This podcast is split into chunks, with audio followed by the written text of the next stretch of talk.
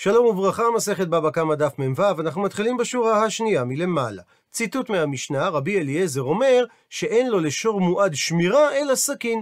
הוא מסביר את הדברים, אמר רבא, מהי טעמא דרבי אליעזר? דאמר קרא שכתוב בפסוק, נקרא בפנים, או נודע כי שור נגח הוא מתמול שלשום ולא ישמרנו בעליו, שלם ישלם שור תחת השור והמת יהיה לו. ופשט המילים ולא ישמרנו, שבמידה שהבעלים יודע שהשור שלו הוא שור מועד והוא לא שמר עליו, אז הוא יישא במלוא עלות הנזק. אבל רבא אומר שרבי אליעזר דרש מזה שכתוב ולא ישמרנו בלשון עתיד, שבאה התורה ללמד שמהרגע ששור הפך להיות מועד, שוב אין לו שמירה לזה אלא בסכין. דהיינו לשחוט אותו. אמר לי מקשה עליו אביי, אלא מעתה לפי דבריך, דכתיב לשון עתיד גם לגבי בור, שנאמר, וכי יפתח איש בור, או כי יכרה איש בור, ולא יחסנו, ונפל שמה שור או חמור. האם משום שנאמר ולא יחסנו בלשון עתיד, נמי גם פה ידרוש רבי אליעזר ששוב אין לו כיסוי לזה? דהיינו שכאשר אדם חפר בור, שום כיסוי לא יועיל לפטור אותו מהנזקים שיגרום הבור, אלא אם כן הוא יסתום את הבור מחדש? וכי תימה, ואם תרצה לומר שאכן הכי נמי, כך גם יהיה הדין, ואתנן. והרי שנינו במשנה בדף נ"ב, שאם כיסהו כראוי ונפל לתוכו שור או חמור ומת, פטור בעל הבור. אלא אמר אביי, היינו טעמי דרבי אליעזר, הטעם שרבי אליעזר אמר שאין שמירה לשור מועד אלא סכין, כדתניא, היא כפי ששנינו בברייתא הבאה, רבי נתן אומר, מניין שלא יגדל אדם כלב רע בתוך ביתו, ואל יעמיד סולם רעוע בתוך ביתו, שנאמר, נקרא בפנים, כי תבנה בית חדש, ועשית מעקה לגגיך, ולא תשים דמים בביתך, כי ייפול הנופל ממנו. וכמו שהפסוק הזה הוא המקור לכך שאדם לא יחזיק תקלה בתוך ביתו, על אותו משקל, מה שנאמר בפסוק לא ישמרנו, הכוונה לא יקיימנו. שמהרגע ששור הפך להיות מועד, אסור לאדם לקיים אותו, אלא ישחטנו. ובשעה טובה הדרן הלך פרק שור שנגח ארבעה וחמישה, ונתחיל את פרק חמישי. אומרת המשנה, שור שנגח את הפרה ונמצא עוברה בצידה, ואין ידוע אם עד שלא נגחה ילדה את העובר שלה, אם מי שנגחה ילדה אותו.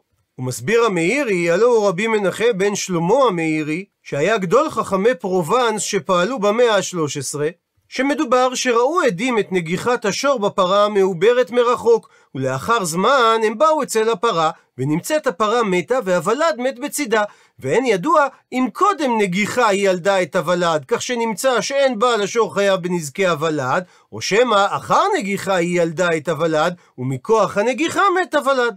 ואם כך, הרי בעל השור חייב אף בנזקי הוולד. אומרת המשנה שהדין במקרה כזה שמשלם בעל השור חצי נזק לפרה ורביע נזק לוולד. הוא מסביר רש"י שהיות שמדובר פה על שור תם, הדין שהוא חייב לשלם רק חצי מהנזק. והיות שקיים ספק האם השור גרם להריגת הוולד, הרי זה ממון המוטל בספק וחולקים. וממשיכה המשנה, וכן פרה שנגחה את השור ונמצא ולדה בצידה, ואין ידוע אם עד שלא נגחה היא ילדה, אם משנגחה ילדה. במקרה כזה, משתלם חצי נזק מן הפרה ורביע נזק מן הוולד. והגמרא תפרש מה הכוונה. ואומרת הגמרא, אמר רב יהודה אמר שמואל, זו המשנה דברי סומכוסי, דאמר שממון המוטל בספק חולקים. וכפי שכבר ראינו בתוספות בדף ל"ה, מדובר על ספק במציאות, שגם לולי טענות הצדדים, בית דין היו מסתפקים מה האמת. אבל חכמים חולקים על סומכוס ואומרים, זה כלל גדול בדין, שהמוציא מחברו עליו הראייה. ושואלת הגמרא על דברי שמואל, למה לי למימר, מדוע הוא היה צריך לציין את המילים זה כלל גדול בדין? הוא מביא על כך הגמרא שתי תשובות.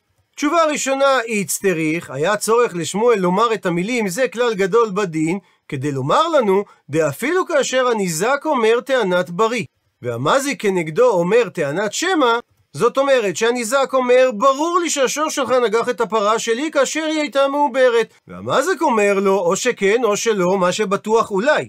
שגם במקרה כזה אמרו חכמים שהמוציא מחברו עליו הראייה. תירוץ שני, הנה מי או גם. ניתן לומר שהסיבה שאמר שמואל בדברי חכמים זה כלל גדול בדין, לכי הדאיתמר. זה נאמר ביחס למחלוקת האמוראים הבאה, שאדם המוכר שור לחברו ונמצא השור נגחן.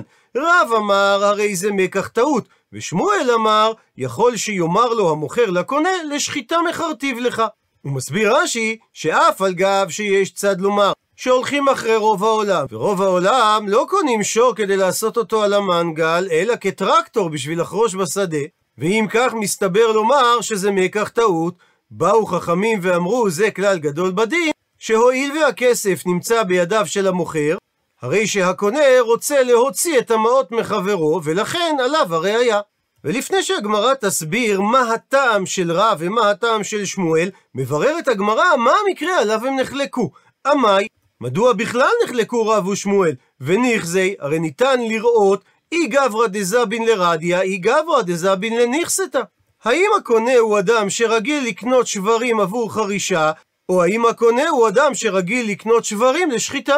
מתרצת הגמרא, לא צריכה, לא נאמרה מחלוקתם של רב ושמואל, אלא בגברא דזבין להא ולהא. באדם שהוא גם חקלאי וגם קצב, הוא רגיל לקנות שברים או כטרקטור או לשחיטה. ממשיכה הגמרא ומקשה ונכזי, אבל ניתן לראות לפי סכום הכסף של העסקה. דמי רדיה לרדיה. אם הוא שילם לו שווי של טרקטור, אז מוכח שהוא קנה את השור לחרישה, ואי הוא שילם לו דמי נכסתה.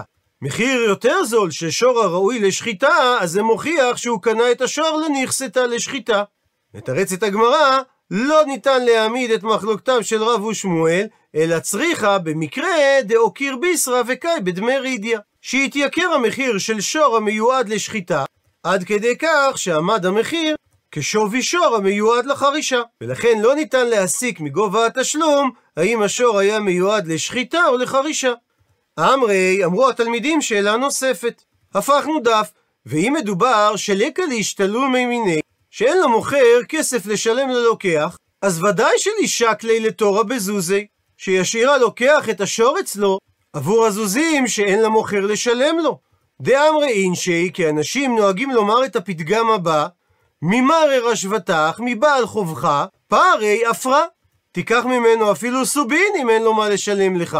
וקשה על רב שאמר, הרי זה מקח טעות, ומשמע מדבריו, שגם אם אין למוכר מעות, יחזיר לו הלוקח את השור. מתרצת הגמרא, לא צריכה, אכן לא צריך להעמיד את מחלוקתם של רב ושמואל, אלא במקרה דאיקה להשתלו מימיני. שיש למוכר מעות, ולכן אמר רב שהלוקח יחזיר לו את השור וייקח ממנו מעות. אז עד לכאן הסבירה הגמרא באיזה מציאות נחלקו רב ושמואל, ועכשיו מסבירה הגמרא את הטעם של כל אחד מהם. רב אמר הרי זה מקח טעות, מפני שזיל בתא רובה, לך אחרי הרוב, ורובה דאינשי לרידיה ודזבני. והרי רוב האנשים קונים שור לחרישה כטרקטור ולא לבשר.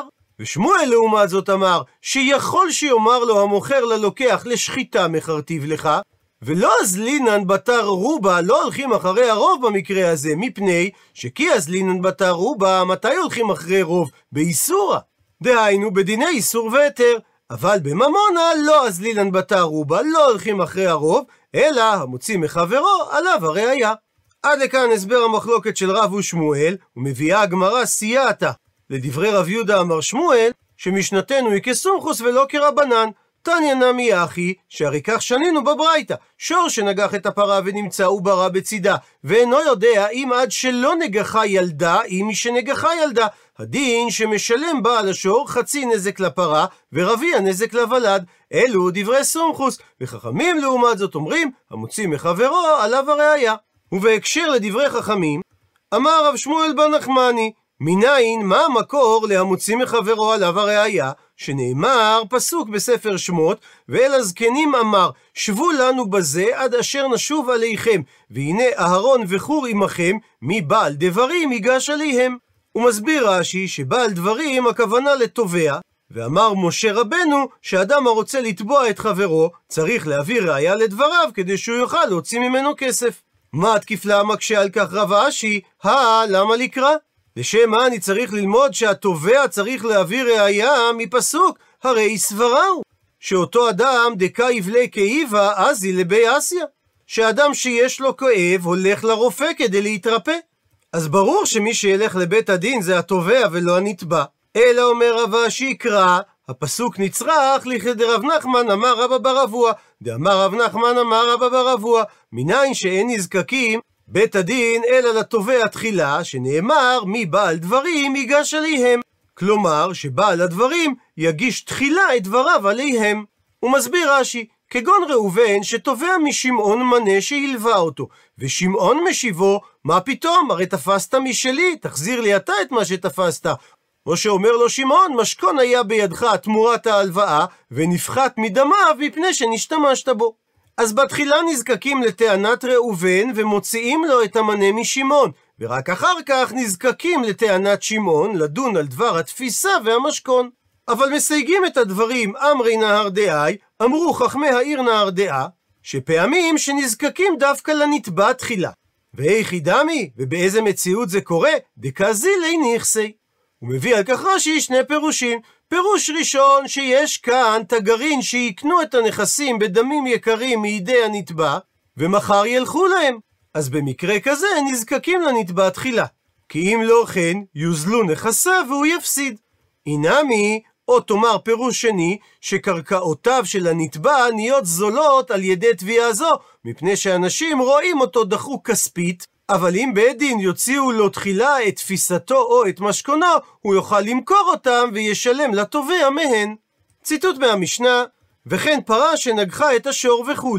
ושואלת על כך הגמרא, איך יכול להיות שבעל השור המזיק צריך לשלם חצי נזק ורבי נזק? הרי סך הכל פלגה נזקה הוא דבאי שלומי. הוא צריך לשלם את הנזק שגרם השור התם שלו, וזה סך הכל תשלום של חצי מהנזק. אז כולי נזקה נקי ריבה מאי אבידתי. מדוע אמרה המשנה שצריך בעל השור לשלם נזק שלם פחות רבע מהנזק, שהרי חצי נזק מן הפרה ועוד רביע נזק מן הוולד זה שלושת רבעי נזק, וזה סכום שגדול מחצי הנזק שעל בעל שור תם לשלם. עונה על כך אמר אביי, חצי נזק זה בעצם אחד מארבעה בנזק, ורביע נזק זה אחד משמונה בנזק. הוא מסביר רש"י, חצי נזק דקטני במשנה, הכוונה לחצי מהתשלומים המקסימליים שיכול היה בעל השור לקבל מהפרה, במידה ולא היה ולד בסיפור. שאז התשלום המקסימלי שהוא יכול היה לקבל ממנה זה חצי נזק, ואומרת המשנה שהוא יקבל רק חצי מהחצי נזק, דהיינו רבע מסך הנזק, משום שאביי יסביר עוד רגע שמדובר על מקרה של שותפים, שאחד יש לו את הפרה ואחד יש לו את הוולד. ורביע הנזק שאמרה המשנה ביחס לוולד, הכוונה לרביע מחצי הנזק שהוא היה חייב, במידה והוולד היה נוגח לבדו את השור. כך שזה בעצם שמינית מהנזק הכללי. דהיינו, חצי נזק מן הפרה, הכוונה לחצי מתשלומי הנזק המקסימלי שניתן היה לגבות מהפרה, במידה והיא הייתה המזיק היחיד, שזה בעצם רבע מסך הנזק. ובנוסף לכך, רבי הנזק מן הוולד, שהכוונה לרבע מתשלומי הנזק המקסימלי שניתן היה לגבות מהוולד, במידה והוא היה המזיק היחיד, שזה אומר שמדובר על סכום של שמינית מהנזק הכללי. מה שאומר שחצי ועוד רבע שווה שלוש שמיניות. הוא מבאר עכשיו אביי באיזה מציאות מדובר. ואם מדובר שהפרה והוולד דחד נינו, שהם שייכים לאדם אחד, החנמי, אז אכן גם דמצי אמר לי, בעל השור הניזק לבעל הפרה שהזיקה. ממה נפשך? מה זה משנה לך אם הפרה הייתה מעוברת ונגחה את השור, מה שאומר שהוולד היה חלק מהנגיחה, או שהפרה קודם המליטה את הוולד, ולאחר מכן נגחה את השור, מה שאומר שהוולד לא היה חלק מהנגיחה, שהרי גם הפרה וגם הוולד שייכים לך, אז חצי נזק הב לי. כך או כך, אתה צריך לשלם לי חצי משווי הנזק. שהרי בסופו של דבר, הבהמות שלך הם אלה שהזיקו את השור שלי. אלא בהכרח, לא צריכה, לא הייתה צריכה המשנה לומר את הדין הזה, אלא במקרה דפרד אחד וולד אחד. שהפרה שייכת לאדם אחד, והוולד שייך לאדם אחר, כגון שמכר לו את הפרה חוץ מעוברה. אבל עדיין, ואם מדובר דקדים, שקדם הניזק ותבעי תבע לבעל פרה תחילה. הכנמי דאמר לי, אז גם במקרה כזה יכול בעל השור הניזק לומר לבעל הפרה, פרה דידך הזיקתן. אני יודע בוודאות שהפרה שלך הזיקה את השור שלי. אם אתה לא מעוניין לשלם את מלוא חצי הנזק, הב לי ראיה דאית לך שותפי. תביא ראיה שהיה לפרה שלך שותף בנגיחה הזו, דהיינו שהוולד היה עדיין חלק מהפרה בשלב הנגיחה. ואז גם על בעל הוולד יהיה מוטל לשלם את הנזק. אבל כל זמן שלא תביא ראיה לכך, מוטלת עליך החובה לשלם את מלוא חצי הנזק. כך שלא ניתן לומר שהמשנה דיברה על המקרה הזה, אלא בהכרח מדובר דקדים, שקדם ניזק, תווה ותבע לבעל הוולד תחילה. שבמקרה כזה, דאמר לי, בעל הפרה לתובע, גילית הדעתך דשות פאית לי. בזה שטבעת תחילה את בעל הוולד, גילית את דעתך, שאתה מסכים שיש לי שותף בנזק, ואם כך, אנחנו צריכים לשאת בנזק חצי חצי, אז אני צריך לשלם לך רק רבע מהנזק. ובעל הוולד מצידו אומר לתובע, אם הייתה לך הוכחה שאכן הפרה הייתה מעוברת עם הוולד בשעה שהיא נגחה את השור שלך, אז אני שותף בנזק ואני הייתי חייב לשלם לך רבע מהנזק. אבל עכשיו, שיש ספק בדבר, הדין הוא שממון המוטל בספק חולקים, ולכן אני לא אשלם לך רבע מהנזק, אלא שמינית מהנזק. וזו כוונת המשנה, שמשתלם חצי נזק מן הפרה, דהיינו, חצי מתשלומי הנזק המקסימלי מהפרה, ועוד רביע נזק מן הוולד, דהיינו רבע מתשלומי הנזק המקסימלי מהוולד. סך הכל, שלוש מיניות מהנזק שנגרם.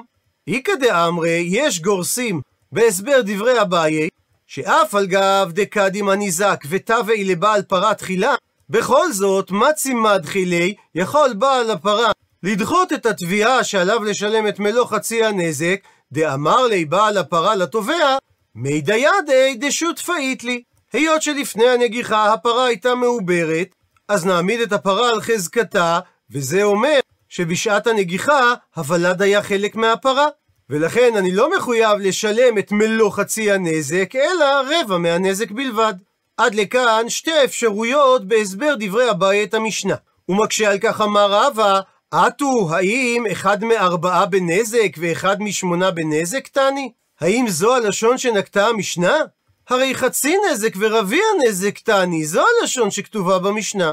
אלא אמר רבא, שלעולם מדובר במשנה בפרה וולד אחד ששייכים לאדם אחד. ואחי כאמרינן, וכך צריך להסביר את דברי המשנה. במידה ואיתה לפרה, אם הפרה נמצאת ויכול התובע לגבות ממנה, משתלם חצי נזק מפרה. אז התובע יגבה את מלוא חצי הנזק מהפרה.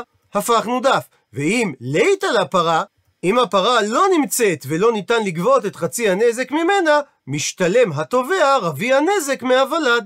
הוא מסביר רש"י, שהרי טעם לא משלם אלא מגופו.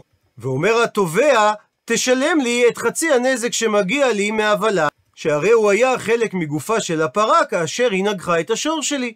ואומרת המשנה, שישלם לו הנתבע רק רבע מהנזק, ואת הרבע השני יפסיד בעל השור, אפילו במידה ושווה הוולד את כל חצי הנזק.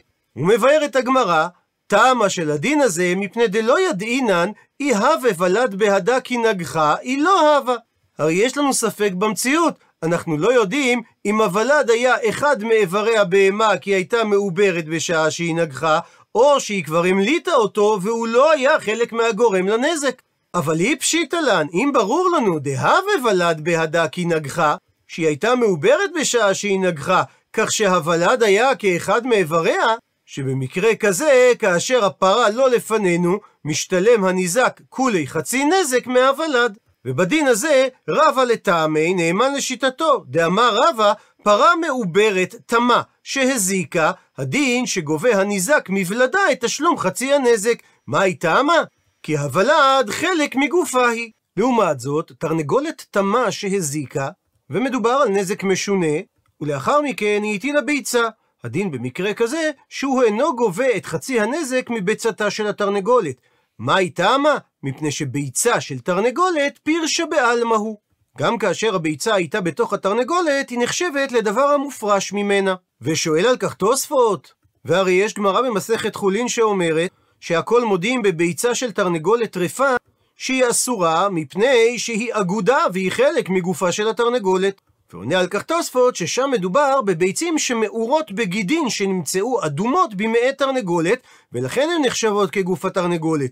ובדיוק מהסיבה הזאת אומר רבא אצלנו שאין הניזק גובה מביצת התרנגולת, כי מי אומר שהביצים היו מאורות בגוף התרנגולת בשעה שהזיקה התרנגולת. ולהלן המחשה לכל אוכלי החמינדוס, לפני שהתרנגולת מטילה את הביצה, יש שלב שבו הביצים מאורות בגידין, אבל עוד בגופה של התרנגולת, הביצה מגיעה לצורתה הסופית, דהיינו עם הקליפה, ובשלב הזה היא כבר לא נחשבת חלק מגופה של התרנגולת, אלא כדבר נפרד. או בלשון הגמרא, פירשה בעלמא, ולכן היא לא נחשבת לאחד מאיברי התרנגולת שגרמו את הנזק. עד לכאן דף מ"ו. למעוניינים בהרחבה, הביאה הגמרא ברייתא כסייעתא להסברו של רב יהודה אמר שמואל, שהמשנה היא כדעת סומכוס ולא כדעת חכמים, וזו לשון הברייתא, שור שנגח את הפרה ונמצא עוברה בצידה, ואינו יודע אם עד שלא נגחה ילדה, אם מי שנגחה ילדה. והלשון אינו יודע תמוהה, שהרי הסברנו שמדובר על ספק במציאות, ולא על ספק שתלוי בידיעת התובע או הנתבע. ואכן בספר דקדוקי סופרים, הוא מביא שנוסח הדפוס זה אינו יודע, אבל נוסח כתב היד זה אינו ידוע. דקדוקי סופרים הוא שמו של סדרת ספרים שכתב והוציא לאור רבי רפאל נתן נטה רבינוביץ', המביאה חילופי גרסאות לתלמוד הבבלי מתוך כתב יד מינכן, שנכתב בשנת 1342 למניין הנוצרים, והוא כתב היד היחיד המקיף את כל התלמוד הבבלי, ומתוך השוואה לכתבי יד אחרים, דפוסים ישנים וספרות הראשונים. בנוסף, מובאות לעיתים גם חילופי גרסאות לפירוש רש"י, לריף ולראשונים אחרים שנתפסו עם התלמוד. הרב רבינוביץ' כלל בספרו את השוואת הנוסחאות בהערות למדניות המבהירות את משמעותם של הבדלי הנוסח, ולעיתים אף מסבירות איזו מהנוסחאות עדיפה לדעתו. הרב רבינוביץ' היה ידוע כתלמיד חכם, בעל זיכרון טוב וכדייקן. כבר בגיל צעיר מאוד הוא זכה לכינוי העילוי מקידן, ושמו הלך לפניו בכל עיר אליה הגיע, ובה התיישב בכדי ללמוד תורה. לפי עדות ראייה אחת מהעיר למברג, בהיות הרב רבינוביץ' בן 25 שנה בלבד, נהג הרב נתנזון לעמוד לכבודו כאשר נכנס לבית הכנסת. וכך כתב הרב רבינוביץ' בהקדמת ספרו. זה כארבע שנים אשר באתי פה מינכן, ומצאתי בעקד הספרים, דהיינו באוצר הספרים אשר למלך ירום הודו, ש"ס כתב יד שנכתב כולו בכרך אחד, וכאשר עיינתי בתוכו, מצאתי מלא ברכת השם בגרסאות ונוסחאות שונות, השונות מנוסח הנתפס לפנינו, והם המסכימות לגרסת הראשונים ז"ל ולסדר משנתם, ובהרבה מקומות בגמרא שהוגשה לי בהמה, מצאתי בו גרסה נכונה וישירה. אז אמרתי, עת לעשות לשם, ובמקום שאין איש, אשתדל להיות איש. וקיבלתי עליי לכבוד שמיים ולכבוד התורה את הטורח העצום והמלאכה הכבדה, להעתיק את כל השינויים והחילופים אשר אמצא בו, ולא אזוז מפה עד אשר אבוא למרום קיצו של התלמוד כולו. ובעזר השם קרבתי אל המלאכה הנכבדה בשלישי לחודש אלול תרכ"ג, ואעבוד בה עד ראש חודש אלול תרכ"ה. כשתי שנים רצופים, בלי ביטול ורפיון, כל היום וחלק גדול מהלילה, ביגיעה רבה ועצומה. ובחסד השם עברתי במשך הזמן הזה על כל הש"ס, מברכות עד אחר אוקצין, והמסכתות הקטנות, ועוד על שלושה קובצי כתב יד מן התלמוד. והיבדתי בעין הפקיחה על כל שינוי אות ועל כל קוץ וקוץ. את הכל העתקתי, ואפילו במקומות אשר נוסחת כתב היד מוטעית, כי אמרתי, אולי ריקו רק ממני, שלא למדתי חוכמה ודעת קדושים, ואולי יבוא מי שדעתו יפה מדעתי, וימצא בהם דברי חפץ. מלבד טעויות שנעשו לפעמים במרוץ הכתיבה, למשל מילת אמר בצרי, או יצחק בלמד וכדומה, או במקום שנחסר בטעות תיבה יותר, ובלעדם אין שום קשר לעניין. ואחרי אשר הייתי קרוב לגמור עבודתי, יעצוני מתי סודי ורעי, כי לא אתננו בדפוס עד שאעשה עליהם הגאות והערות, לברר את הנוסחאות כפי הבנתי ויכולתי, איזה מהן היא עיקר הגרסה. וקיבלתי עליי גם את העבודה הגדולה הזאת, לעיין אחרי השינויים והחילופים שבכתבי הידות אשר לפניי, וברר דבריהם מתוך דברי הראשונים, ושיקול הדעת הישר, כפי יד השם אשר תהיה טובה עליי. ואף כי ידעתי את ערכי, כי העבודה גדולה מבינתי, ומך אני מכריע בין גרסה לגרסה בעניינים העמוקים והחמורים, נשענתי על חסדי השם, כי יכונני דעה בינה והשכל, כי מלאכת שמיים אני עושה, וכבוד התורה אני דורש. ואכן, מיד עם צאת הספרים לאור, עשו בהם שימוש חלק מרבני וחכמי הדור לא רק במחקריהם, אלא אף בחיבורי ההלכה וחידושי התורה שחיברו. הספרים זכו להסכמותיהם של גדולי הרמנים בני זמנו של רבינוביץ', בין היתר רבי יוסף שאול נתן זון, רבי שלמה קלוגר, רבי יעקב יעקב אטלינגר, ורבי אברהם שמואל בנימין סופר, ורבי יצחק אלחנן ספקטור מקובנה, רבי שמעון סופר ועוד. גם חכמי הדורות הבאים נהגו להשתמש בדקדוקי סופרים, כגון רבי מתתיהו סטרסון, רבי אריה לביילין, רבי רפאל גורדון ועוד. ויש אף שטרחו להדגיש את חשיבות הספר והצורך בעת עיון בסוגיה תלמידית, להשוות את הנוסח הנלמד לגרסאות המופיעות בגדוקי סופרים, כגון הרב יעקב חיים סופר בעל כף החיים. לעומת זאת, בולטים באי הסתמכותם על הדקדוקי סופרים, הרב קוק והרב יוסף דוב סולובייצ'יק, שככל הנראה העדיפו שלא לעסוק בלימודם בחילופי נוסחאות של התלמוד. הרב רבינוביץ' עצמו הביע חשש כי פרסום הנוסחים השונים עלול להוביל להסתמכות על נוסח המנוגד להלכה הקיימת, ועל ידי כך להתיר את האסור ולאסור את המותר. חשש נוסף שהביע הרב רבינוביץ' היה כי אנשים מסוימים ירצו לשנות את נוסח התלמוד הנדפס מנימוקים שונים בהתבסס על הנוסחאות השונות.